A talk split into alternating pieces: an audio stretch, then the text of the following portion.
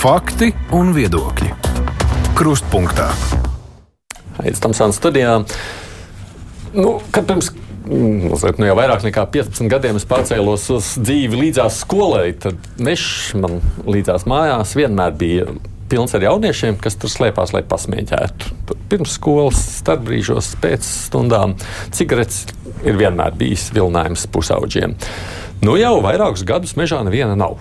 Un, uh, Es secinu, ka vienkārši nav nekādas vajadzības vairs slēpties. Tās modernās tehnoloģijas dzīvi bērniem ir padarījušas krietni vieglāku. To savu elektronisko, bieži vien plasmas ļuķīti var droši ielikt kabatā, somā, nu, nec smirt, nec kādam traucē. Tā saucamā veipošana ir kļuvusi par daudzu mūsdienu pusauģu ikdienu. Bet, nu, protams, veips nav nekāds veselīgais burkāns. Tādēļ pasaulē jau nevienu gadu ārsti ar pētniekiem meklē, ko tad darīt lai arī mudinātu politiķus vienā vai otrā virzienā rīkoties, mazinot iespējamo postu. Jautājums ir nonācis arī Latvijas politiķu dienas kārtībā, bet kāda ir vai kāda varētu būt mūsu politika, te tādas īstas vienprātības nav. Pagājušā nedēļā visā Eiropas Savienībā stājās spēkā aizliegums par karsējamās tabaks aromatizēšanu, un par tā sekām jau arī vēl droši vien tā pāragri spriest, bet kas notiks ar veipiem un vispār kādi ir iespējamie riski jebkuru lēmumu pieņemšanā. Kruspunktā studijā šeit ir saimnes deputāti, viņa arī ilgadēja lauka ģimenes ārstu asociācijas vadītāja Līga Kazlovska. Labdien jums! Labdien. Pusauģu psihoterapijas centra vadītājs, bērnu psihoterapijas speciālists Nils Saks Konstantīnos. Sveicināti! Sveiki! Veselības ministrijas parlamentārais sekretārs Arčuns Uršuļskis. Labdien jums! Labdien! Un arī no Rīgas Austrum Kliniskās Universitātes slimnīcas pneumoloģijas galvenais speciālists profesors Alvils Krams. Labdien jums! Labdien! Nu, Tiešām vienkārši tā sākumā pavisam īsi jūs varat izskaidrot, nu, to, kas ir parastās cigaretes, mēs zinām, vai ne gandrīz visi. Nu, vairāk vai mazāk, vai ne? Bet, lai klausītāji tā spētu izsekot mūsu diskusijai, tātad, ko atšķiras man tā pieminētā karsējumā tabaka no elektroniskās cigaretes, jeb veipiem, dažos teikumos. Tā. Jā, protams, um, to, uh, ko sauc par veipiem.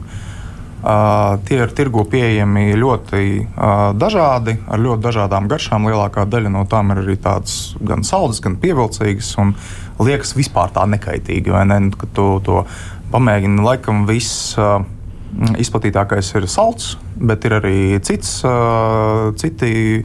Kas ir, kas ir tirgu kubiki, kristāli un tā tālāk. Nu, tas ir tas pavisam neliels verkīts, ko var ielikt somā, kabatā, un uh, kas uh, izdala tādu patīkamu garšu, un pēcgaršas īsti nav, un tāds aromāts īsti arī neveidojas.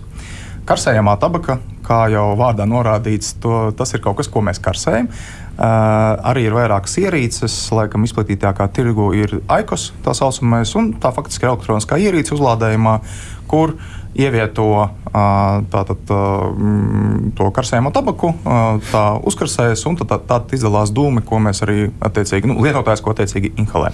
Tad. Un tai ir tāda specifiskāka, mm, gan garša, gan arī tāds aromāts specifiskāks. Laikam tas aromāts, nu, varētu būt tuvāks eh, tādai klasiskajai cigaretei. Mm. Tātad to var pamanīt atšķirībā no veipa grūtāk. Jā, jā to laikam visticamāk ir vieglāk pamanīt. Tiešām, jā, jā, mhm. tas, tās, tā smarža ir izteiktāka un paliek ilgāk. -hmm. Tātad, jā, Kramkungs. Es gribēju piebilst, ka tie visi es atvainojos, varbūt, ka, ka visi veips ir principā veipošana, tas ir mārketinga nosaukums. No, nu, jā. gan no ārsta viedokļa, gan no likumdošanas viedokļa elektroniskās cigaretes smēķēšana, arī ir smēķēšana. Kasēmās tabakas lietošana arī smēķēšana. Tas viens no dažādiem smēķēšanas veidiem. Jā, jā, bet nu, tā, dažādi veidi smēķēšana ir. Jā, dažādi veidi vienkārši tā, lai mēs mēģinātu saprast, ko tas tādā ziņā atšķiras. Vienkārši šobrīd, tā, ja pieminētajā stāstā, ja Eiropas Savienība nolēmts, tad kasēmā tabaka, nu tie ai aikos, ja, aikos, kā, aikos kā mēs sakām, pīpeņu dēvē. Tātad tur vairs nedrīkst būt klātie garš uzlabotāji šobrīd jā, Eiropas jā. Savienībā. Jā? Tirgo pieejami bija diezgan daudz, dažni dažādi, un tur šobrīd vairs uh, viņi mm. nebūs pieejami līdz ar to. Uh, nu, tā varbūt pievilcība būs mazāka nekā bija. Un tagad Latvijas politiķis spiež par to pašu, vai tam būtu jānotiek arī ar elektroniskiem cigaretēm. Jā, bet, sadnās, bet man šķiet, ka no. tomēr tas nebūs gluži korekti, jo ir svarīgi atdalīt um, tabakas produktus no veipiem. Tas Aha. iemesls ir tāds, ka mums ir cigaretes, kuras deg. Mums ir karsējumās ierīces, kuras nedeg, bet kurās karsē tabaku. Un tad mums ir veipi, kuros, kuros nav tabakas. Un, tā nav šāda veida smēķēšana. Ja, kad mēs sakām smēķēšana, tas saistās, protams, ar tabaku kaut kādā veidā. Un kas tad ir veipos? Veipos, veipos ir šķidrums, kurā, kurā parasti ir pievienots arī kaut kāda daļa nikotīna. Tad tīrā, tīrās tā vielas. Nevis tabaks, bet nikotīns. Jā, un, tā, un tā ir fundamentāla atšķirība. Tāpēc, ka te, kad mēs tālāk runāsim par to, kāpēc mēs vispār uztraucamies par smēķēšanu, mēs uztraucamies tāpēc, ka viņa ir kaitīga, ka viņa uh, nogalina cilvēkus, ka viņa rada milzīgu uh, slogu uz veselības budžetu. Un tad mums būs svarīgas šīs atšķirības, jo e, ir milzīga daļa riska, kas saistās ar tabaku un tabakas smēķēšanu, un tad ir, ir šie veipi, kuros nav tabakas, kas ir pilnīgi cita veida ierīces, kuros ir arī pilnīgi cita veida e, riski un grūtības. Es domāju, ir svarīgi tomēr viņus nodalīt. Nu, labi, es ņemu to klāt, bet šajā brīdī vienkārši tā skaidrojot, atgriežamies pie tā jautājuma. Tad, tad Latvijā spriež arī par veipu ierobežošanu, vai ne? Tā to varētu nosacīt. Jā, arī jā. tur ir doma kāda. Kad, Nu, teiksim, tabas, tabakas eh, likuma grozījumos ir paredzēti ļoti daudz ierobežojumi. Un, un, un tagad saima jāsaka, tuvākajā, tuvākajos mēnešos, pāris mēnešos skatīs eh, šo grozījumu. Nu, teiksim, eh, saima pieņems šos eh, grozījumus trešajā lasījumā. Mūsu sociālā un darba lietu komisija ir jau šos trešā lasījuma mm, šo projektu atbalstījusi un nobalsojusi virzīšanai uz plenāru sēdi, bet um, tur ir ļoti daudz ierobežojumu, ieskaitot par veipiem. Ja, tātad par šiem visiem aromātu ierobežošanu pamatā tur ir jau salikti arī šie termiņi, kas pamatā stājas spēkā no 2025. gada dažādu mēnešu ietvarā. Tā tad arī būtība ir par aromātu aizliekšanu. E, jā, pagaidām arī, bet, e, bet runa būs arī daudz, e, varbūt arī, es nezinu, šī mūsu nākošajā komisijas sēdē, kas notiks 14. novembrī. Tātad arī, arī veselības ministrija pēc, nu, jāsaka, Briseles lēmuma, jeb lēmuma pieņemšanas, saņemšanas 2. 2. oktobrī. Tātad eh, teiks vēl savus precizējumus, kas ir, ko teikusi ir Brisele saistībā ar šiem tabakas likuma grozījumiem. Un, un tad, eh, tad, jau, tad jau tas aizies eh, uz jā, trešo lasījumu jau plenārsēdē. Bet um, ierobežojumi skar diezgan daudzas lietas. Arī vecuma cenzu Ja, tātad e, līdz 18 e, gadu vietā līdz 20 gadiem. Tad ir ļoti daudzās e, vietās paredzēts, ka vispār nedrīkstēs lietot nekādus, nekādus ne tabakas izstrādājumus, ja, ne arī, teiksim, nu, arī šo veipošanu savā veidā. Nu, vietu jā, vietu, jo ja? mm -hmm. azartspēļu, piemēram, zālēs, nu, pagaidām joprojām ir palicis arī, palikusi arī saima un ministru kabinets, ka tā nav tā vieta, kur mums jāsaka arī politiķiem vajadzētu rādīt rādīt paraugu ļoti daudzās sabiedriskajās vietās, ja, kas, kur uh mhm. -huh. atkal ir ļoti, jau, jāsaka, daudz stingrāki ierobežojumi. Nu, un, un tad, jā, un tad palika tā, tā runa par tiem aromātiem. Ja, kādi, kāds aromāts vienīgais vēl pagaidām tiks pieļauts. Ehm, ne mentols, ja, nekādi citi vēl, te, teiksim, dažādas garšīgas smaržvielas, e, smaržas garšas e, vielas, bet e, tikai pagaidām paliks, paliks tabakas garša kā aromatizētājs, iespējamais. Ja? Un, Tur dabiski bija ļoti lielas diskusijas, kādēļ. Ja, no vienas puses, eh, tur bija arī nu, mūsu mediķi, vēl papildinās. Eh, tur bija ļoti daudz, eh, jāsaka, gan no lobbystiem savi iebildumi, ka mentols īstenībā un, un visas citas lietas nav kaitīgas. Tieši otrādi var tur, piemēram, samazināt kakla sāpes. Ja? Nu, tā bija ļoti dīvaini arī iebildumi, bet pamat, to pamatā tomēr ir pierādījumi daudzās pasaules valstīs, ka, piemēram, tas pats mentols kā aromatizētājs īpaši un arī citi, citas augļu uh, garšas piesaista jauniešu. Nu jā. Jauniešus, Par argumentiem jā. tūlīt parunāsim, bet tā tad idejiski tāda, ja līdz šim uh, mums tagad to aizliedz uh, Eiropas Savienībā uz karsējumu tabaku, tad to domāts arī attiecināt uz elektroniskajām cigaretēm, Kramkungs? Es gribēju papildināt to, ka tas ne tikai uz aromatizētā attiecās aizliegums tik uz, e- ne tikai uz elektroniskām cigaretēm, smēķēšanas ierīcēm, tos šķidrumiem, bet arī uz nikotīnas pilventiņiem. Tāpat nikotīnas pilventiņos arī maksimālā devas tiks regulāri pilventiņa ierobežota. Jo, nu, jo augstāka deva, jo augstāks iespēja, ka lietojot kaut vai vienu reizi, tad kļūs atkarīgs bērniem. Iespējams, arī tas ir. Tas tad- arī tāds, nu, tad, nu, tas Jā, tā, bet Te arī- mums tā arī- jānonāk galvenais, protams, pie tās galvenās domas. Kāpēc? Jā, tā tad aizliegt. Kāpēc to vajadzētu aizliegt? Proti, nav runa par to, ka mēs vispār aizliegtu veipus. Jā? Runa ir tikai par aromātu izmantošanu. Es varbūt varētu mm, Jā. ā, pastāstīt, kāpēc tieši šī doma ir rad, radusies. Nu, protams, mēs no veselības ministrijas puses ā, vērojam, kas notiek ar atkarību veidošanos. Viena no atkarību veidošām vielām ir, protams, nikotīns, kas ir viena no smagākajām.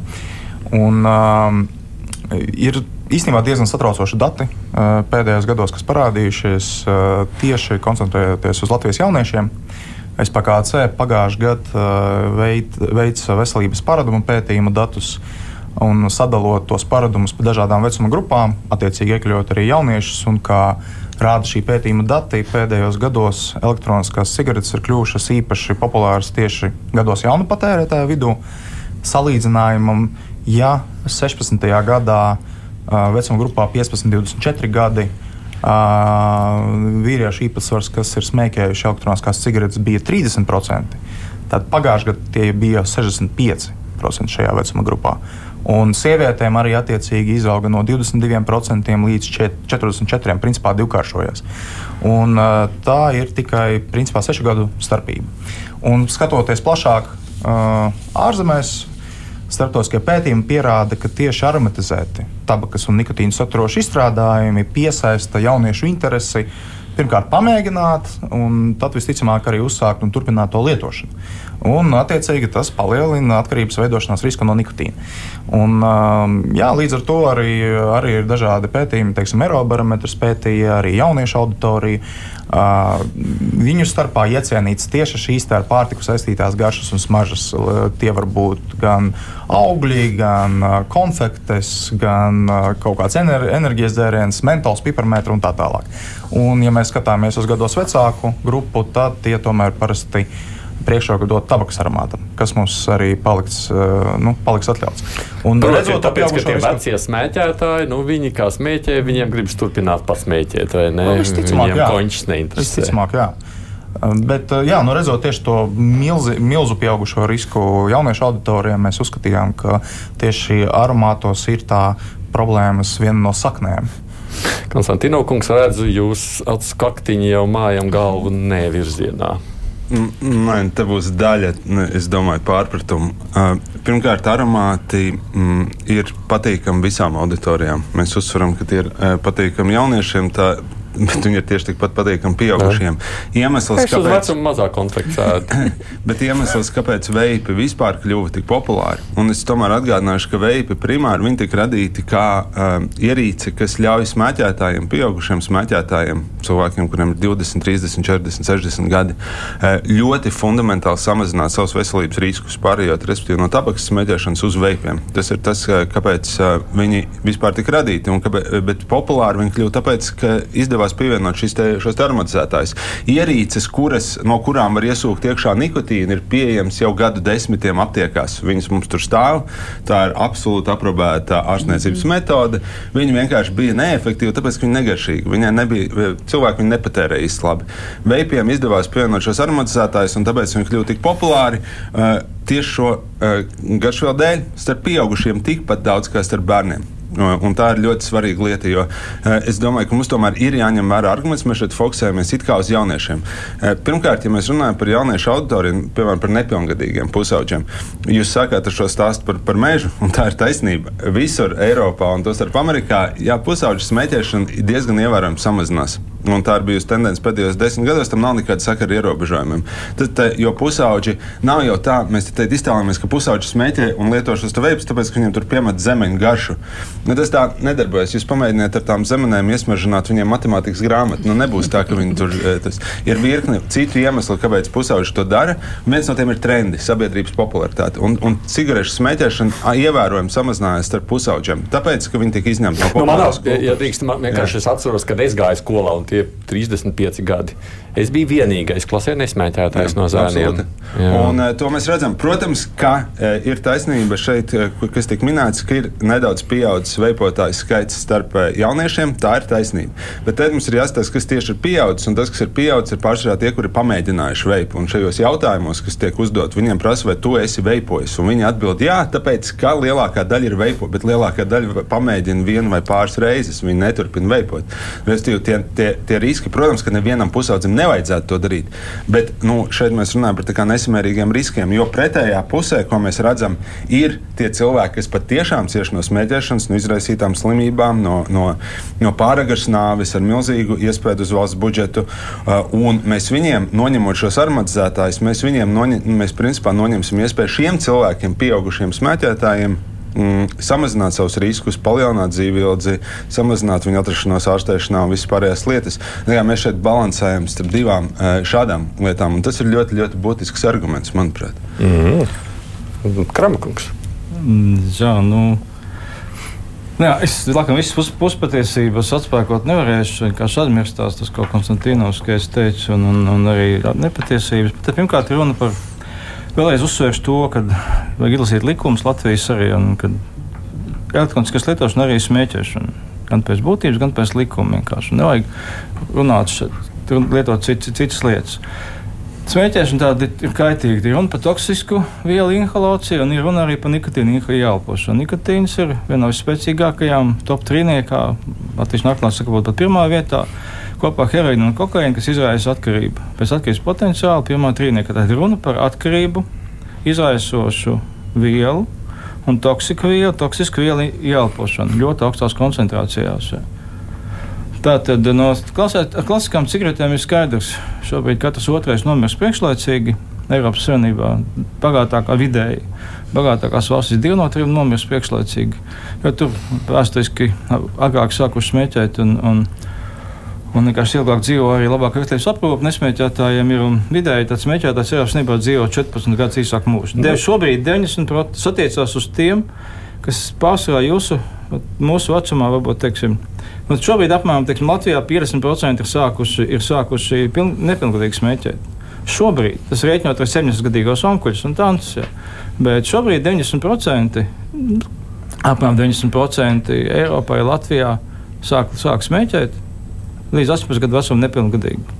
Cīņa pret smēķēšanu divas iespējas. Palīdziet atmest tiem, kas uh, smēķē, un otrkārt nepieļaut to, lai bērni kļūtu atkarīgi. Un pēc tam atmest smēķēt ir ļoti, ļoti grūti. Tieši šis nikotīna atkarības teica, lai bērni nekļūtu atkarīgi. Un šīs garšiņas un smaržģiņas galvenokārt tā problēma, kas industrijas pamatā ir, ir pievilināt jaunus lietotājus. Ja? Un tie jaunie lietotāji visā pasaulē tie ir Tie nepilngadīgie tie bērni, pusauģi, atkarībā no kā mēs tās, tā, tā, tās klasificējam to visu. Jā. Ir runa par toksisku vielu. Pa, Jebkurā gadījumā, ja no tabakas, no, no, no klasiskām cigaretēm smēķēšanas mirst, arī no elektroniskām cigaretēm ilgtermiņā mums vēl šāda data nav būs daudz mirušo. Jā. Ļoti daudz. Tie, kas šobrīd ir bērni, ir kļuvuši atkarīgi. Un, un, un runājot par to pašu toksicitāti, viss šī aromatizēta, viss, kas tur iekšā tajā šķidrumā, tajā elektriskā cigarešu, uzkarsētā veidā, tvaiku veidā, tas ir toksisks.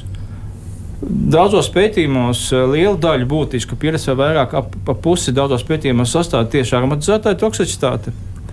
Un, teiksim, tur ir ļoti daudz vielu, kas uzkāsētā veidā tur ir ļoti, nu, teiksim, 1000, 2000 eiro. Droši vien, ka mēs neapstrīdēsim to, jā. ka tas ir kaitīgs. Domāju, jā. par to jā. laikam, es nezinu, vai kādam ir diskusijas par to, vai tas vispār nu, kaitīgi vai nekaitīgi. Nu, tam, ko Kramīkungs saka, tas jau, diemžēl, neatbilst nekam no, no tiem uh, pētījumiem, kas mums šobrīd zinātnes pasaulē ir, un arī uz tiem pētījumiem, uz ko balstās. Nu, uh, cilvēki nemirst no nikotīna, cilvēki mirst no tabakas izraisītām slimībām. Tā pirmkārt ir liela atšķirība. Otrkārt, es tomēr vēlētos ienest diskusijā, jo mēs runājam tā, ka tagad bērniem tirgotos kā čupi-čups tie, tie aromatizētāji. Uh, nepilngadīgām personām jau šobrīd ir aizliegts jebkāda veida veipi, cigaretes ar aromatizētājiem, bez aromatizētājiem. Un, uh, viņi visi dabūna brīvi. Un, jā, un tāpēc šis arguments, ka mums jāskatās, kas likumā ierakstīts, tā ir kā, ka, ja mēs tagad ierakstīsim kaut ko likumā, tad viņi vienkārši paši tās smēķē. Nu, tas tā nedarbojas. Mums tomēr drusku plašāk ir jāapstāsta, kā darbojas reālā dzīve. Un treškārt, mums nav šie argumenti, ar ko biedē uh, daļa speciālistu, ka bū, būs mirušie no, no, no eciena. Uh, tas vienkārši neatbilst tam, kas ir, kas, kas ir pētījumos. Pie, vai, mums, vai mums ir zināms salīdzinoši Latvijā šobrīd, vai es drīkst jautāt statistiski? Mums ir skaidri nu, tā bilde, cik smēķētāji bija, pieņemsim, pirms 20 gadiem pusauģu vidū, un cik veipotāji ir šobrīd. Proti vai procentuāli pateicoties tam, ka ir parādījušies veipi, šo te sevis bojātāju, jeb nu, jā, nu, nezinu, trendu meklētāju skaits ir pieaudzis. Mm, pieaudzis noteikti ir. Es šobrīd nevarēšu nosaukt tādu ļoti precīzu ciparu. Nav mēs, datu. mēs redzam, ne, mēs redzam to, ka ir, bet, bet SPKC arī šodien, bet... jā, nevaram šodien uz vietas atbildēt. Bet, uh, ir tā, ka mēs novērojām pēdējo 20 gadu laikā pakāpenisku trendu uz to, ka samazinās uh, parasto cigarešu lietošana. Pakāpeniski samazinās, varbūt mēs Jā. gribētu lai tas notiek straujāk vai ātrāk, bet tas tiešām nu, tā notiek. Pēc mana pie, meža pieminētā nav vispār. Tur tiešām nav jau vairākus gadus neviena. Jā. Bet, attiecīgi, kā jau nosaucu iepriekš, tiešām ir tā, ka ievaram pieaugt to. Tagad viņi staigā pa ielu mierīgi, bez problēmām. Bet nedaudz par pētījumiem. Vienkārši tas arī, ko mēs skatāmies, Pasaules veselības organizācijas pieļāva šobrīd ir tā organizācija, kas laikam vislabāk, visvairāk izpēta arī šo problemātiku. Tas, ko uzsver, uzsver Pasaules veselības organizācija, ir, ka joprojām nav pietiekoši daudz pētījumu par elektroniskām cigaretēm. Tās tirgu ir diezgan jaunas. Un it īpaši uz to lietošanas ilgtermiņa ietekmi gan uz saslimstību un mirstību. Mēs nevaram apgalvot, ka šie produkti ir mazāk kaitīgi nekā parastās cigaretes vai vispār nav kaitīgi. Uh, runājot par tām vielām, kas ir pievienotas ļoti līdzīgi, uh, aromatizētāji tās ir tās vielas, kas tiek izmantotas pārtikas rūpniecībā, un tur tās tiek uzskatītas par drošām. Bet mums arī nepietrūkst šobrīd informācijas, lai apliecinātu, ka tās ir drošas, ja mēs tās tvaicējam vai inhalējam. Un, protams, kāpēc mēs runājam arī par jauniešiem, ka tā ir tā riska grupa, jo diezgan objektīvi, ka ne tikai tabaka ietekmē jauniešus, nikotīns ietekmē jauniešus pir pirmām kārtām, un nikotīna saturošu izstrādājumu lietošana pusauģu vecumā tiek saistīta ar ilgtermiņa kognitīviem traucējumiem, ar uzvedības traucējumiem, ieskaitot uzmanības atmiņas traucējumus un tā tālāk. Mm. Nikotīns tiešām ir bīstams, un nikotīns nav tikai tabaka. Uh, jebkurš uh, produkts, kas satur nikotīnu, jauniešiem ir īpaši bīstams, protams, arī pieaugušiem cilvēkiem. Nenoliedzami. Mm. Vienkārši mēs redzam to pieaugušo trendu jauniešos, tāpēc tas tiek uzsvērts nu, īpaši. Bet arī pieaugušiem tas ir tikpat slikti. Es saprotu. Toksiski, ka varētu pie, pap, papildināt. Nikotīns pirmkārt atkarība izvēršos vielu, otrkārt viņš pats pēc savas būtības ir toksisks. Tas, ko mēs runājam, ir gēni, vide un laiks. Jo agrāk tas toksiskā iedarbība sāk parādīties, jo lielāks tam ir sekas. Bērns, cilvēks smadzenes attīstās līdz 5 gadu vecumam. Ja tu sāc smēķēt, ja tu sāc smēķēt 10, 15 gadu vecumā, lietot nikotīnu, jā, tā potenciāli tā smadzeņu darbība, tā mentāla veselība aizkavējās, tiek, tiek traucēta. Plaušas aug cilvēkam līdz 21 gadu vecumam. Un tas ir drausmīgi, ka bērni sāk lietot, ka viņi sāk smēķēt. Gan klasiskās cigaretes, kā cigaretes pa, pat pasīvā, tikko bija publikācija, mm. pat pasīvā elektronisko cigarešu lietošana ietekmē cilvēku mentālo veselību. Un tā mirstības tie dati, saka, ko es biju sāku teikt par to, tie attiecās uz to, ka liela daļa sāk armijā smēķēt. Te, tagad sāk smēķēt kaut ko 11 gadu vecumā, tie rezultāti būs daudz sliktāki. Jo agrāk, mēs, mēs, mēs, agrāk bērns tiek pakļauts, cilvēks tiek pakļauts toksisku faktoru iedarbībai, atkarību izraisošu faktoru iedarbībai, jo tas ir sliktāk. No ārsta viedokļa tas ir drausmīgi. Tas notiek, ka, ka, kad bērns smēķē, ka klasiskā cigarete, elektroniskā cigarete, tas ir šausmīgi. Es atceros nācijas degradāciju. Ma, kā es teicu, es gāju vidusskolā, es biju vienīgais vidusskolēns savā mm. dzēnu pulkā. Par meitenēm es nezinu, meitenes noteikti nebija viss, bet dzēnu pulkā es biju vienīgais. Man šķiet, var, varbūt vēl par vienu ir jautājums, ko es jau aizmirsu kopš tiem laikiem, kas nesmēķēja. Diemžēl smēķēja arī tajā laikā. Bet es gribu doties arī uz priekšu, jo nu, ne, šī, disk, šī nav vieta īstā diskusijai. Labi vai slikti. Tur man droši vien vajadzētu arī mazliet citu veidu runātājus. Jautājums ir, kas notiek, ja mēs pieņemam vienu vai otru lēmumu. Tikai pirms es turpinu atgādinu, šeit ir Līga Kozlovska no Saimas, no Veselības ministrijas Arčēns Uršuļskis, no Rīgas Austrum Klīniskās universitātes slimnīcas Alvils Krams un no Pusauģu psihoterapijas centras Nils Saks Konstantinovs. Raidījums Krustpunktā. Tā kā manās mājās grozās jaunieši aprunājos, prasu, vai kāds iet kaut kad, kā viņi dabūna. Tikai internetā, tikai pasūtot. Neviens uz veikalu gājis pirkt nav. Sūta, kā viņš teica, ne, nav problēma, mums viss pienāk caur omnivu. Jā. Ko šis aizliegums? Jo, jo viena lieta ir aizliegt, bet otra lieta, ja tas ir tikai uz papīra. Vai nepiekrītat, Kramkungs? Nav jau jēgas, ja tas ir uz papīra aizliegums, bet realtātē neviens viņu nekontrolē. Nu, kas nozīmē, ka vienkārši aizliegt veikalā, pieņemsim, no 20 gadu vecuma, vai jebko citu, nav nozīmes, ja tas nedarbojas. Jā, nu, bet es varbūt varētu nedaudz papildināt. Dabiski šajos tabakas likuma grozījumos ir kompleksi jāsaka, tādi grozījuma punkti, kas eh, strādā nu, jāsaka, uz visiem jūsu uzdotajiem jautājumiem Jā. kopumā. Dabiski eh, tā ir kontrole būs kontrole, un arī šajos tabakas grozi, likuma grozījumos ir paredzēti, eh, ka teiksim, šīs kontrolējušās institūcijas nu, tiek savā veidā arī precizētas. Liela, liela teiksim, nozīme tie būs eh, veselības kontrolas inspekcijai, tas arī caur likumu ir pateikts. Tāpat tās eh, liela atbildība būs pašiem ražotājiem, pārdevējiem, ja, kuri, kuri, eh, kuriem būs jāuzņemas atbildība par to, ka, piemēram, tajā nikotīna spilventiņā nav vairāk kā 4 mg. Viņi sūta ne no Latvijas. Jā, bet e, tur es gribēju jums pateikt to e, līdzīgo ļoti ak, nu, aktīvo diskusiju diskusiju, kas notiek par alkohola aprites likuma grozījumiem. Ja? Kā piemēram, e, jūs sakat, ka mm, ierobežojumiem, aizliegumiem nav nozīmes. Ja tas patreiz ir tādā visatļautībā, tad patiesībā sakot, aizliegums un ierobežojumi ir ļoti svarīgi. Un to ir darījušas praktiski visas, gan mūsu Baltijas valstis blakus, vairāk vai mazāk sava, katra savādāk, Skandināvijas valstis, pārējās attīstītās Eiropas valstis, Jaunzēlande. Katrs kaut ko savādākā veidā, bet noteikti ir ierobežojumi sevišķi uz jauniešiem. Un arī par šo digitālo vidi. Tā ir viena no tādām ļoti, e, ļoti aktuālām tiem, nu, punktiem, kā piemēram alkohola aprites likumā. Dabiski tur nebūs viegli. Bet tur būs kontrole, tur jābūt kontrolē par šo digitālo uh, pieejamības arī ierobežojumu. Man jo... to kontroli visvairāk interesē, jo viena lieta ir ielikt uz papīra, un otra pēc tam realizēt. Pie tam, kā man skaidroja, tas jau nav pat tā visbiežāk, tur atvedot ar mašīnu kaut kādu ļoti daudzumu ar tālrīzību. Un pēc tam Latvijā uz vietas pieliek vajadzīgos argumentētājus paši, un viss notiek.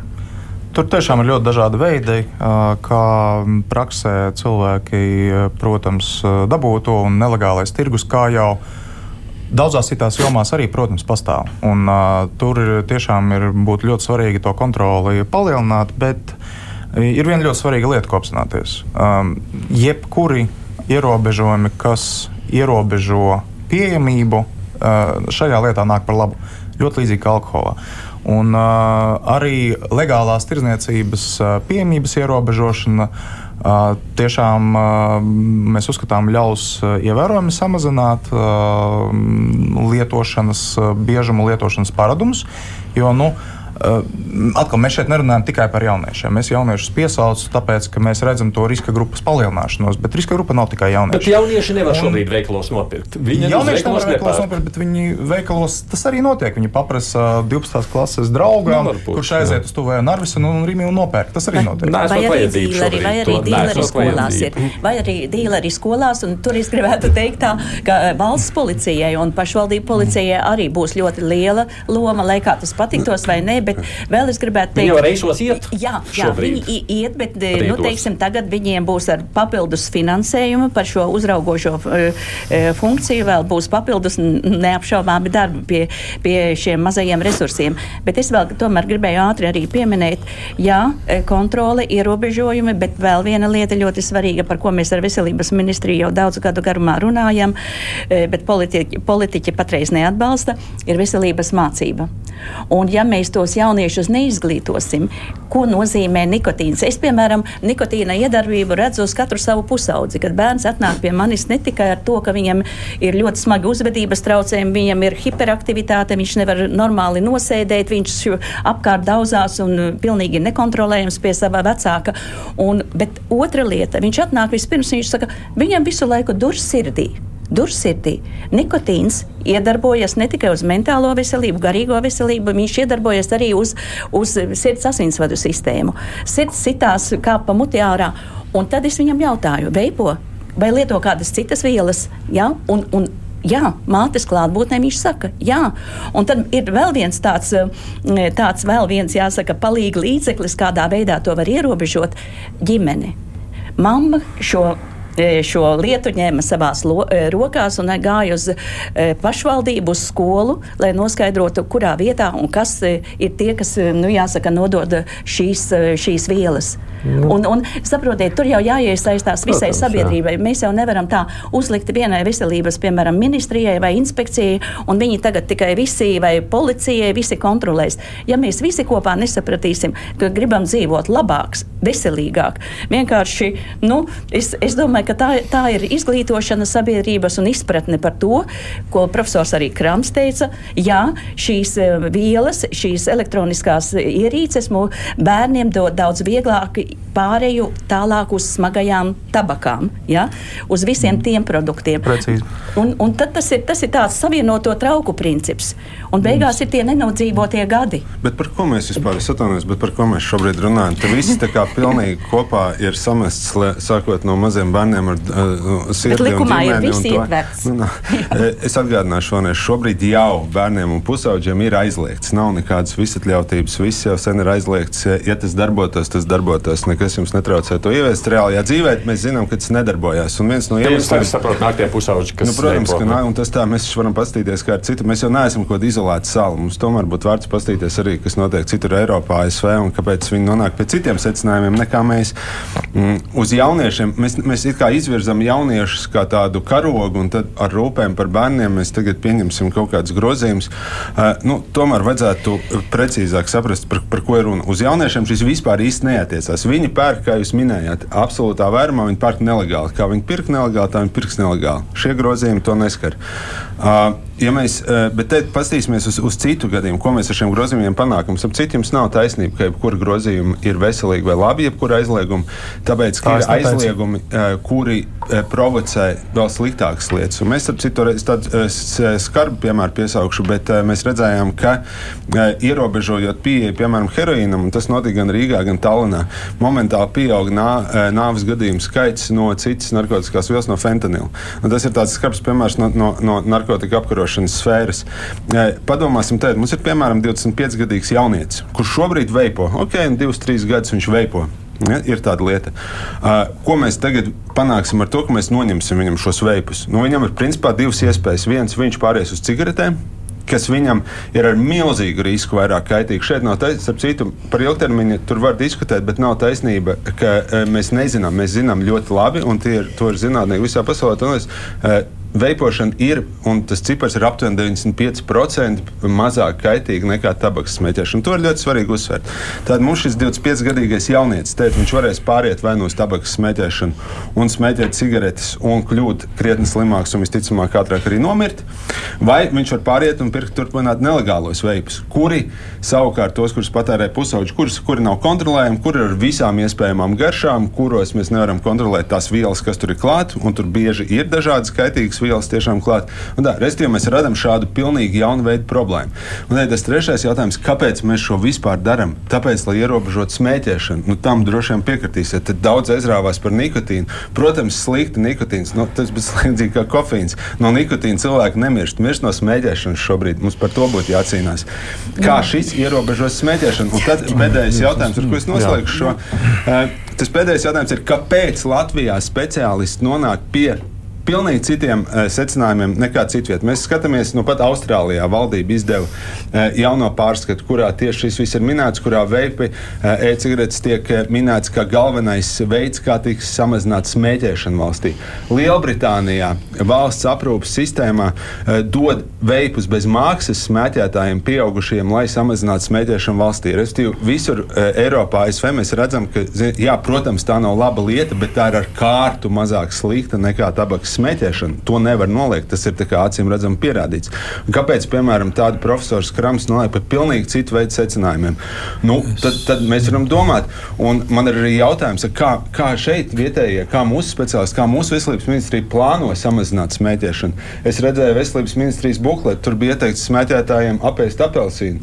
Nu, piemēram, mums ir tāda veida ieteikumi. Es redzēju profesoru Krāma interviju uh, žurnālā Ārsts CLV, kur viņš ieteica smēķētājiem uzsākt lietot antidepresantu terapiju vai citus medikamentus šobrīd no es, uh, un, un pašiem nemēģināt samazināt smēķēšanu. Nu, Tātad mēs šeit mēģinām virzīt farmakoloģiju lielā mērā. Nu, kā, kur ir tā, tas pavadiens, kāpēc šeit speciālistiem ir pilnīgi citi novērojami secinājumi nekā kolēģiem citās nu, pasaules valstīs? Es vienu, vienu tikai jautājumu. Dakter, tad iztā pasakiet jūs savu ierosinājumu. Tātad jūs tātad ļaujat uz priekšu tādā pašā ritmā visam tam, kas tagad jau ir notiek. Ja? Ah. Tātad jums nav nekāda īstenībā, jūs tikai visu noliedzat arī šajā tabakas likuma grozījumos, bet jūs sakat, ka viss vēpošana laba, viss ir labāk.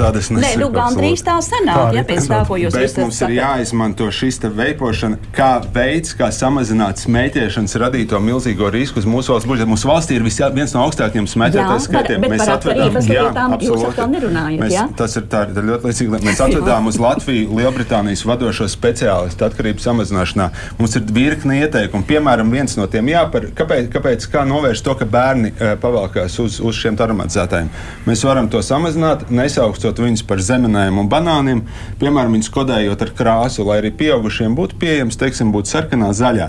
Un mēs redzam, ka tas ir viens no veidiem, kā samazināt to pievilcību jaunās auditorijas acīs, bet saglabāt to kā būtisku uh, līdzekli pieaugušiem smēķētājiem. Tur ir virkne šādu lietu, ko var darīt bez vienkārši brutālas aizliegšanas. Varbūt atvainojos, es parunāšu daudz. Tagad, Es vienkārši jūs daudz runājat par pētījumiem, vienkārši un tā tālāk. Es tomēr atļaušos par to kaitīgumu spriest kā ārsts un, teikt, tas ir ļoti kaitīgi par elektronisku smēķēšanu. Labiņveidīgi pieauga informācija. Es savā specialitātē esmu certificēts. Es drīkst pastāvīgi strādāt. Jūs, Konstantīno kungs, kā psihologs, jums nav, jūs neesat certificēts Latvijā, jums nav, un jūs ne, jums nav tiesības pastāvīgi strādāt, jo tikai kā cilvēku pāraudzībai es pastāvēju reģistrā, psihologa reģistrā. Nu, es tik to saku vienkārši. Es pirmkārt nebūtu mums, okay, tālāk, tālāk. Okay. Tomēr šitā cita ietvaram runāt par to, kas ir eh, par konkrētām spēlēm un tā tālāk. Tas, ka kādam jūs, jūs izplatījat nepatiesu informāciju, tas, ka kādam aizliegs, aizliegs 25 gadiem lietot veipot, šis likums to neparedz. Likums aizliedz garšas aromātus. Aizliedz. Viņš varēs mēģināt savu cigareti, arī ar tabaks garšu varēs. Tas netiek aizliegts. Nevajag izplatīt nepatiesu informāciju. Nākamais par Austrāliju. Atcerieties, Austrālijā elektroniskās cigaretes ir uz recepti. Varbūt to vajag pateikt. Elektroniskās cigaretes var saņemt pēc recepta tikai ārsta. Ne, jūs pieminējāt, kā piemēru. Un apvienotā karalistē ir pilnīgi cita situācija. Jā, pilnīgi cita situācija. Un tur, un tur dramatiski pieaug bērni. Viņi tagad ceļ trauksmi, bet arī Amerikā apspr arī apvienotā karalistē apspriež to, ka varētu uz recepti tikai cigaretes būt. Bērniem pusaudžiem ir divkāršojusies pēdējo gadu laikā. Jā, tā cigaretes lietošana, arī, arī parasto cigarešu lietošana pieaug. Tur ir problēmas patiesībā. Tur gan tā ir sava republika. Un, ja mēs runājam par ko, ko es vēl gribēju pie, piebilst, par pētījumiem, par tām 20 reizēm, es atvainojos.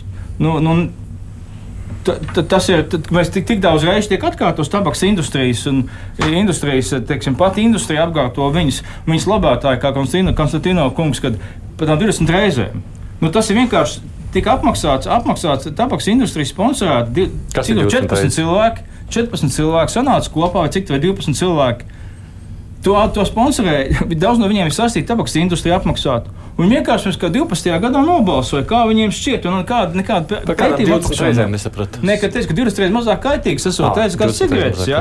Tas viss nav vairs atnācis, tas nav nekāda, nav nekāda evidence, nekāda pierādījums nav. Tad cilvēki nobalsoja, kā viņiem šķiet, pēc kaut kādiem kritērijiem brīvi izvēlēti cilvēki, draugu, draugu lokus sapulcējās, kaut ko nobalsoja tie rezultāti, tas viņu viedoklis tika pēc dažādiem parametriem, kā nu, 14 parametriem kaut kādiem no Āfrikas. Kaut kāds, nu, kāds sakās Āfrikas sadarbības okulistam, Dienvidāfrikas ar šo kaitīgumu. Ja? viens no tiem 12 cilvēkiem bija. Un viņi, viņi, viņi nobalsoja. Tā, tā publikācija, tas tika publicēts, tas tika publicēts nerecenzētā žurnālā. Un pēc tam lab, labvēļi no šīs, no šīs britu veselības kaut kādas tās tā kantora, ja, viņš tagad, viņš tagad likvidēts, restruktūrizēts tagad. Viņi to kā milzīgi evidenci pasniedz 20 reizes. Tā 20 tas ir daudzās publikācijās aprunāts, kā tas tapa. Tā 20 reizes ir tabaks industrijas draugu veikts balsojums. Ja. Tā nav nekāds sakars ar, ar, ar zinātnē. Nu, es atvainojos par pierādījumiem. Es īsi uz to remarku par to, ko pildu, tāpēc, ka tas skar man personīgi. Mēs, mēs atvainojamies, mēs neviens nezinām par kādiem afrikāņiem un 20 reizēm jūs runājat. Tiem, kas piedalījās tiem balsotājiem, teorijas, bet es, bet es tikai īsi pateikšu, ka uh, Kramkungs izplatīja pilnīgus melus. Esmu certificēts visās nozarēs, kurās strādāju. Es nestrādāju kā psihologs, es nezinu, par ko Kramkungs runā, bet Kramkungam jau šobrīd ir tiesvedība par nepatiesu uh, ziņu. Uh, Labi, es saprotu, ka šādi Veselības ministrijas pārstāvjiem. Jā, varbūt noklausoties uh, pēdējās 10-15 minūtes, arī vairākas remarkas no mūsu puses. Nu, arī, diemžēl, ir vairākas lietas, par ko Konstantino kungs tiešām izplata dezinformāciju šobrīd šeit, uh, kaut vai par to, kas notiek citās valstīs. Uh, ierobežojumi elektrisko cigarešu šķidrumiem līdz šim ir ieviesti jau ieviesti vairākās Eiropas Savienības valstīs. Uh, Igaunija, Lietuva, Dānija, Ungārija, Nīderlanda, Somija. Tās ir tās, kas ieviešas jau šobrīd. Vēl vairākas valstis redzot to problēmu, jau ir uzsākušas arī diskusijas par iespējamiem ierobežojumiem. Tāpat arī vairākas valstis, un tās ir Rietumēropas valstis, tādas kā Francija, Beļģija, plāno aizliegt vispār elektroniskās cigaretes kā tādas tirgū. Ar aromatizētājiem, bez aromatizētājiem vienalga ņemot vērā to, ka Pasaules veselības organizācija ir atzinušas šīs tieši cigaretes par īpaši pievilcīgām, un arī, protams, piesārņojums kaitējums vidē tur arī ir no svara. Par pētījumiem. Nu, mm, vēlreiz mēs skatāmies uz to, ko Pasaules veselības organizācija mums saka. Pasaules veselības organizācija ir um, atzīta organizācija ar daudziem ekspertiem, kas um, apkopo dažādu veidu pētījumus. Nu, Viņi uzsver un turpina uzsvērt, ka nav pārliecības par to, ka elektroniskās cigaretes vai jebkuri citi uh, klasisko cigarešu aizstāja produkti ir mazāk kaitīgi vai nekaitīgi. Uh, viņi uh, publicē dažādu veidu datus par pievilcību. Tāpat arī pēdējā ziņojumā, ko Pasaules veselības organizācija publicēja, viņi saka to, ka elektronisko cigarešu smēķēšana palielina varbūtību, ka jaunieši dzīves laikā uzsāk, uzsāks arī tabakas lietošanu. Uh, izraisa arī paradumu maiņu, kas īstenībā ir ļoti bīstami. Jo tādā veidā, salīdzinot ar klasisko tabaku, uh, Pārdomu mainās tā, ka palielinās gan smēķēšanas biežums, gan palielinās intensitāte. Jo būtībā ir lietotājiem ir diezgan grūti saprast, nu, ja tā ir parastā cigarete, tad tu izpīpē vienu, un tas ir viss. Tu saņem noteikti nikotīna daudzumu. Bet uh, sēžot un turpinot vai nu karsēt, vai nu veipoti, tīpaši, nu, ir ļoti grūti saprast, kurā brīdī tev ir jāapstājas. Un tas ir tiešām risks akūtiem, akūtiem gadījumiem tajā brīdī. Un, uh, nu, Arī attiecībā uz elektronisko cigarešu piedāvāšanu, kā atmešanas līdzekli, ir ļoti līdzīgi. Joprojām Pasaules veselības organizācija savos ziņojumos norāda, ka ir nepietiekoši pierādījumi, ka ir maz pierādījumu, lai izdarītu secinājumus, ka tas tiešām palīdz atmest parasto tabaku. Un, attiecīgi, pētījumi, protams, šajā jomā vēl turpinās, bet Pasaules veselības organizācija norāda, ka efektīvākā atmešana ir pierādījumos balstīta smēķēšanas atmešanas ārstēšana, kurā iekļauta gan psiholoģiskais atbalsts, gan arī nikotīna aizvietotāja terapija. Es jūsu teiktajā saklausu to, ka iemesls, kāpēc par šo vajadzētu runāt un arī pieņemt šādus lēmumus, ir tas, ka Mēs elektronisko cigarešu sekas īsti nezinām, nesaprotam. Tās parastās mēs zinām mazliet drošāk. Ar tām elektroniskām var sanākt vēl sliktāk nekā ar parastajām, tāpēc nu, drošāk, lai paliek parastās. Mm, es varbūt precizēšu, mēs īsti nezinām, vai var sanākt sliktāk vai var sanākt labāk. Mēs redzam to, ka uh, to izplatīšana ļoti strauji pieaug, kā jau minēju redzējuma sākumā. Tie, Statistikas dati par pieaugumu ir satraucoši. Sešu gadu laikā jauno cilvēku un jauniešu mm. auditorijā līdz 25 gadiem ir vairāk nekā dubultojās. Nu, es, mēs, redzam, mēs redzam, mēs redzam, ko saka mums Pasaules veselības organizācija, ka ne. viņi var pāriet pēc tam arī uz citiem, citiem veidiem, arī uz klasisko tabaku. Mēs redzam, ka tas ir kļuvis pievilcīgs nu, praktiskajā dzīvē. Vienkārši mm -hmm. izējām uz ielām un paskatāmies. Līdz ar to Mūsu ieskatā tas ir tas risinājums, ko mēs no savas puses, kā veselības ministrija, redzam, ko mēs varam piedāvāt, lai iespējami to samazinātu pievilcību, samazinātu sekas. Jo sekas būs graujošas, ja mēs neko nedarīsim. Atgūtā toksicitāte elektroniskām cigaretēm ir daudz augstāka, tas ir pierādīts, nekā klasiskajām cigaretēm. Tas ir skaidrs. Ja. Protams, kad, kas par pētām cigaretēm pateikts Eiropas tabaks direktīvā, Eiropas tiesas lēmumā par to, ka jābūt piesardzības principam. Īpaši mēs runājam, kad viņas ir populāras, tad mēs runājam šobrīd arī skatāmies, ka mēs runājam par bērniem, par pusauģiem. Jā. Kad jā, jā, jābūt piesardzības principam, kas likum, likumdošanai paredzēts, ka viņš jāierobežo kamēr nav pierādīts, ka viņas ir drošas. Šobrīd ir pieauguši, labiņķīgi pieauguši dati, ka viņas ir toksiskas, ka būs ir skaidrs, ka būs tā augstāka mirstības ar tiem lietotājiem nākotnē, elektroniskiem cigarešu smēķētājiem. Jā. Mēs varbūt nezinām Viņas tirgoja kā 16 gadus tikai, ko Ķīnā parādījās, laikam, 17 gadus. Jā. Bet mēs redzēsim, būs skaidrs, ka mentālā veselība ietekmē un tā tālāk. Un, tā tālāk. un vēl par tiem datiem, par tiem jauniešiem, vienkārši par to, ka viņi pērk, pērk kaut kur internetā pērk. Vienkārši vajag runāt par skaitļiem, skatīties arī. Kad, nu, tur viens ir par skatus, nemaldos aptaujās, bija, ka bērni iegādājas eh, kaut kādus šos gan tabaks izstrādājumus, gan cigaretes internetā iegādājas. Tas neliels cipars patiesībā bija. Un nav viens līdzeklis Nav viens likuma kaut kāds grozījums, kas būtu universāls. Ir jādara viss, lai, mazinātu, lai to visu mazinātu. No. Un sākumā samazinājās 91. gadā 40% regulāri lietoja kaut ko. Nu, Pārstāvja bija klasiskās cigaretes. Tā klasiskās cigaretes 13,5 gadu vecuma pusauģu grupā, 13,5 gadu vecuma grupā 40% regulāri. Vismaz reizi mēnesī lietoja. Un tad tas bija pagājis uz leju. Un, un cigaretes sāk iet uz leju, un, un, un vēlāk pievienots, ka elektroniskās cigaretes iet uz augšu. Es eh, turpinošu šo sarunu, man ļoti maz laika palikuši. Paliek tas jautājums, kas notiek pēc tam. Droši vien, ka jūs, ticamāk, tā es saprotu, pieņemsiet to lēmumu par to harmonizēto uh, pieaugumu aizliekšanu pieņemot, ka kaut kādā veidā ar to kontroli gan internetā, gan citur izdosies kaut ko mazināt vai labot. Es zinu, kā pēc arī pajautāju saviem bērniem, kura klases biedrs saprot aktīvu veipo. Nu, viņa prāt, kas notiks, viņš te ne, tur jau šaubu nav nekāda. Tad pirks atkal cigaretes. Par to viņš bija pārliecināts.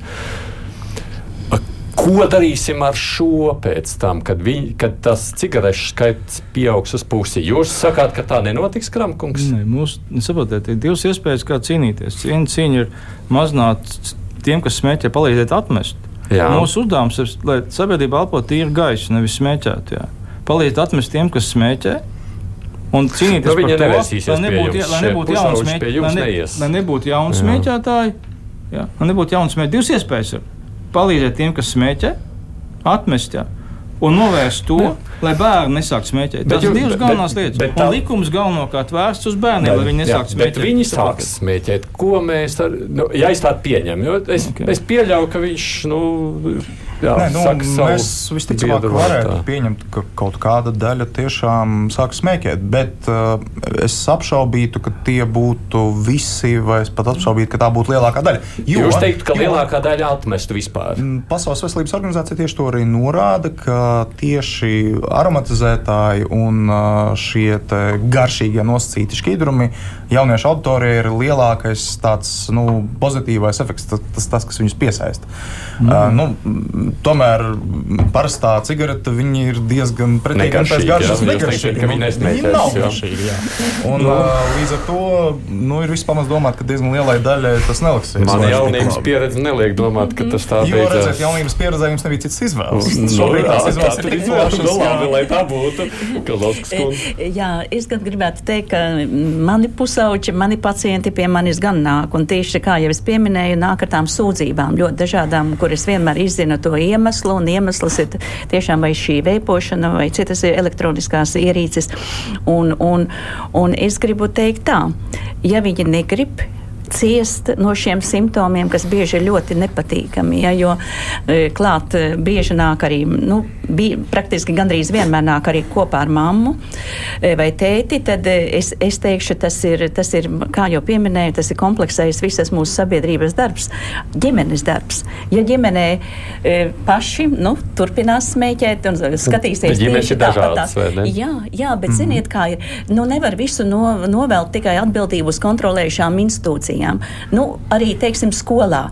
No vienas puses, ja bērns eh, lietos eh, šo cigareti, ticiet man, skolotājs to saodīs. Tad, kad atnāk jebkurš pacients, smēķētājs, apsēžās man blakus, es zinu, ka No no, viņš smēķē. Viņš var man, man teikt un noliegt to, bet es zinu, ka viņš smēķē. Cik daudz mēs to noskaidrojam, un tad arī runājam par tām lietām, kas, nu, ka, ka, nu, kas viņam var kaitēt, viņa veselībai. Bet, eh, bet otra lieta, tā, tā skola un veselības mācība. Nu, tādā saturiskā veidā, ja, kā mēs nu, esam plānojuši, kāda tā savā veidā bija iepriekš.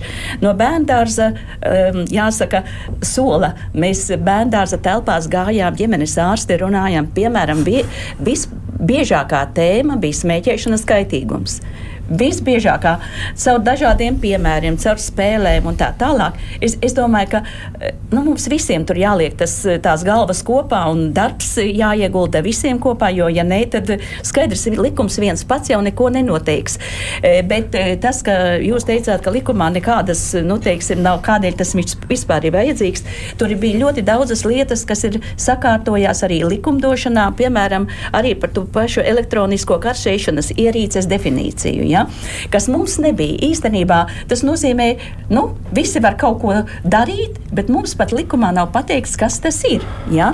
Un līdz ar to ir tie ierobežojumi uz visām šīm tabakas e, izstrādājumiem, aizvietošanās, e, nu, teiksim, visām ierīcēm un, un aromatizētājiem pats par sevi. Un vēl es gribētu teikt, ka ir vēl viena lieta, tomēr arī svarīga lieta, kas dabiski nepatīk ražotājiem un, un, un, un visiem tirgotājiem, arī par šo reklāmas ierobežojumu. Tas arī ir ļoti svarīgs, jo īstenībā visās eh, nu, tajās arī mūsu blakus valstīs gan alkohols tagad tiek nu, jāsaka, nolikts pēdējais stūrītī. Tā arī šie, pēc likuma arī šīs cigaretes nebūs pieejamas uzreiz virs kases, jāsaka, lodziņa, bet eh, būs eh, noteiktā vietā ar noteiktu marķējumu. Ja? Nu, par marķējumu tur skatīsies, kā tur tiesiski tur organizējas lietas. Ja? Bet, eh, bet pēc būtības es domāju, ka viss šis komplekss ir ļoti, nu, jāsaka, progresīvs un, un, un savā veidā mm, arī valsts policija un pašvaldības policija. Es noteikti saku, ka tās ir tās iestādes, kurām noteikti budžetā saistībā ar šiem e, tabakas likuma grozījumiem ir jābūt papildus līdzekļiem. Lai tā viena minūte, Konstantino kungs, beig beigās, nu, es, ja es pareizi saklausīju, jūs jau negribat, ka tie pusauģi veipo un ka viņi smēķē. Vai pareizi? Pro, protams, ka jā. Ko jūs teiktu, kas tad ir jādara? Nu, tad tā, nu, ko darīt, lai mēs kā sabiedrība patiešām mazāk gribētu to Es darīt? domāju, ka pirmkārt tomēr jāsāk drusku nopietnāk attiekties pret to. eh, Un, ja mēs es arī tos no tiem argumentiem, ko es šobrīd dzirdu, tad sajūta, ka cilvēki pat īsti ne, nezina, ne kāda ir atšķirība, ne, ne kā vispār tie pusauģi veipo, ne kāpēc viņi to dara uz kaut kādas tādas Viņam, emocionālas. vienkārši stāsta. Nē, nu, mēs taču to redzam. No, no, piemēram, mēs, mēs zinām, ka viņi iegādājās telegramu kanālos. Par, tie, par, par neko no šiem risinājumiem tam nebūs pozitīvs ietekmes pusauģis veipošana. Nu, tā kā mēs tādu vajadzētu darīt? Starp citu, Lai viņi neiegādātos tajos telegramu kanālos. Vis, vispirms tomēr sadalīt, vai mēs runājam par pusauģiem vai par pieaugušiem. Šie, šie pārsvarā attiecās uz pieaugušiem vecuma Uh, jā, nu, jau šobrīd Jā, es atgādināšu, līdz varbūt 20. jūs pat nezināt, bet jau šobrīd tā kā tas nav 18 pieejams. gadiem. jā, Jā, bet ne nu, jā, jā, 20. jā, un, un, un kā nav. Kā smēķē 15 gadīgi, tā smēķēs arī 18 gadīgi. E, Mēs zinām par lietām, kas strādā skolās patiesībā. Un e, neviena no šīm lietām to neskar, bet, bet mums ir jādomā par to arī, kāpēc jaunieši veipo. Un tas nav tāpēc, ka tur ir vienkārši zemeņa garša. Tā kā, e, mēs arī ar, ar, ar pusauģu psihoterapijas centru mums bija lieliska Dabū kampaņa, kas labi strādāja. Mm, Nu, ne- nedaudz pieklājības, jūs netraucējat. runāt. Mums bija, pusminūte Mēs veicām kampaņu skolās eh, pret veipošanu. Eh, Mēs redzējām, ka iesaistot pašus jauniešus, nu, viņi ir ļoti labprātīgi. Mēģina padarīt savus skolas no veipiem brīvas.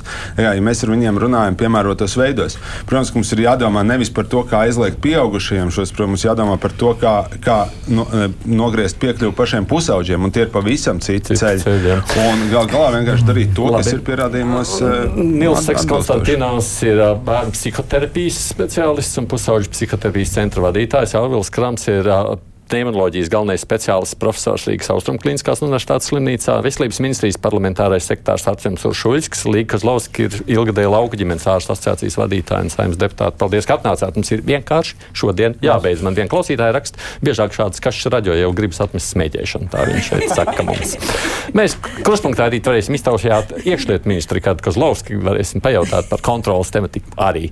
Un droši vien dažādi citi temati būs. Bet producēja Ievzējas studijā sarunu vadīja Aits Tomsons.